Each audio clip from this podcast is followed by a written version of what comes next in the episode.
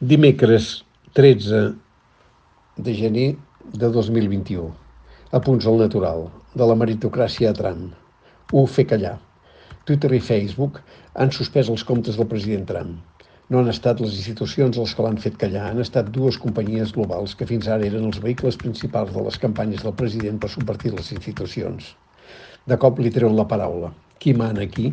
Tindrà raó ja Catalí quan diu que la lluita pot acabar sent entre estats totalitaris i grans empreses digitals?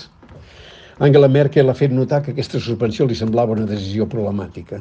Té raó. Com ha dit el seu portaveu, és l'Estat el que hauria d'establir un marc per regular les xarxes socials. Si no aconsegueixen fer-los i pagar impostos, com pretenen decidir que, què poden vehicular i què no? La sala al Capitoli com icona d'un final d'època. 2. Degradar.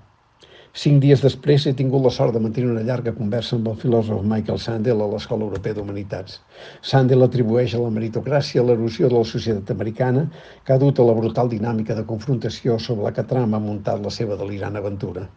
La meritocràcia com a ideologia de la revolució neoliberal que ha conduït a la societat al límit després de 40 anys de destrucció dels elements culturals i identitaris que la teixien. La via de penetració de la ideologia del mèrit és el credencialisme, diu Sandel, que troba en la titulació universitària l'instrument bàsic. En una societat desigual, els que arriben a dalt han de creure que el seu èxit té una justificació moral, talent i esforç, incapaços d'acceptar el paper de l'atzar, de les situacions de partida, dels cops de mà que t'han donat en una vida en la que ni tan sols escollim on naixem. Naturalment, la contrapartida del mèrit com font de legitimació moral és la culpabilització del que no hi arriba.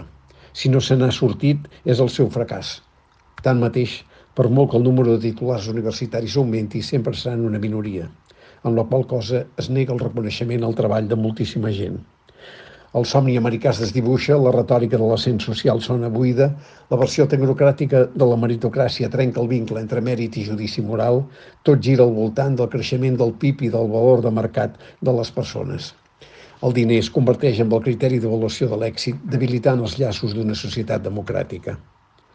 L'externalització del judici moral i polític als mercats buida de significació a la política i així s'erosiona la responsabilitat i es desmoralitza les persones, es debilita la dignitat del treball i es treu poder als ciutadans corrents. I molts d'ells queden a l'abast de qualsevol impostor tipus Trump, disposat a explotar el ressentiment contra l'establishment i a furgar en el nativisme, la misogínia, el racisme. La convicció meritocràtica que les persones mereixen la riquesa, sigui la que sigui, amb la que el mercat premi els seus talents, fa de la solidaritat un projecte impossible i els valors de la democràcia decauen. Del somni americà fins aquí, un procés de més de 40 anys de degradació tecnocràtica del que el Partit Demòcrata, com la socialdemocràcia i les esquerres europees, tenen bona part de responsabilitat. No han fet res per evitar-ho, han assumit les exigències dels poders econòmics dòcilment, tots van apuntar al consens de Washington. Tots han anat acceptant el procés de desocialització i ara se sorprenen perquè una part de la ciutadania se'ls ha escapat de control. S'havia fet invisible per ells i ara reneix amb agressivitat moguda per oportunistes lideratges d'extrema dreta. François Mitterrand, Felipe González, Bill Clinton, Tony Blair, Gerard Schroeder i tant d'altres es van plegar les exigències del futur neoliberal mm, sense ni tan sols aixecar la veu. Ara arribem a un canvi d'època amb les democràcies debilitades i amb l'autoritarisme amenaçant, mentre els poders de la globalització digital exhibeixen musculatura retirant la paraula a qui havien donat instruments i facilitats per conduir la seva peculiar contrarrevolució. En aquestes condicions, és una utopia pensar en reconstruir el teixit democràtic perdut?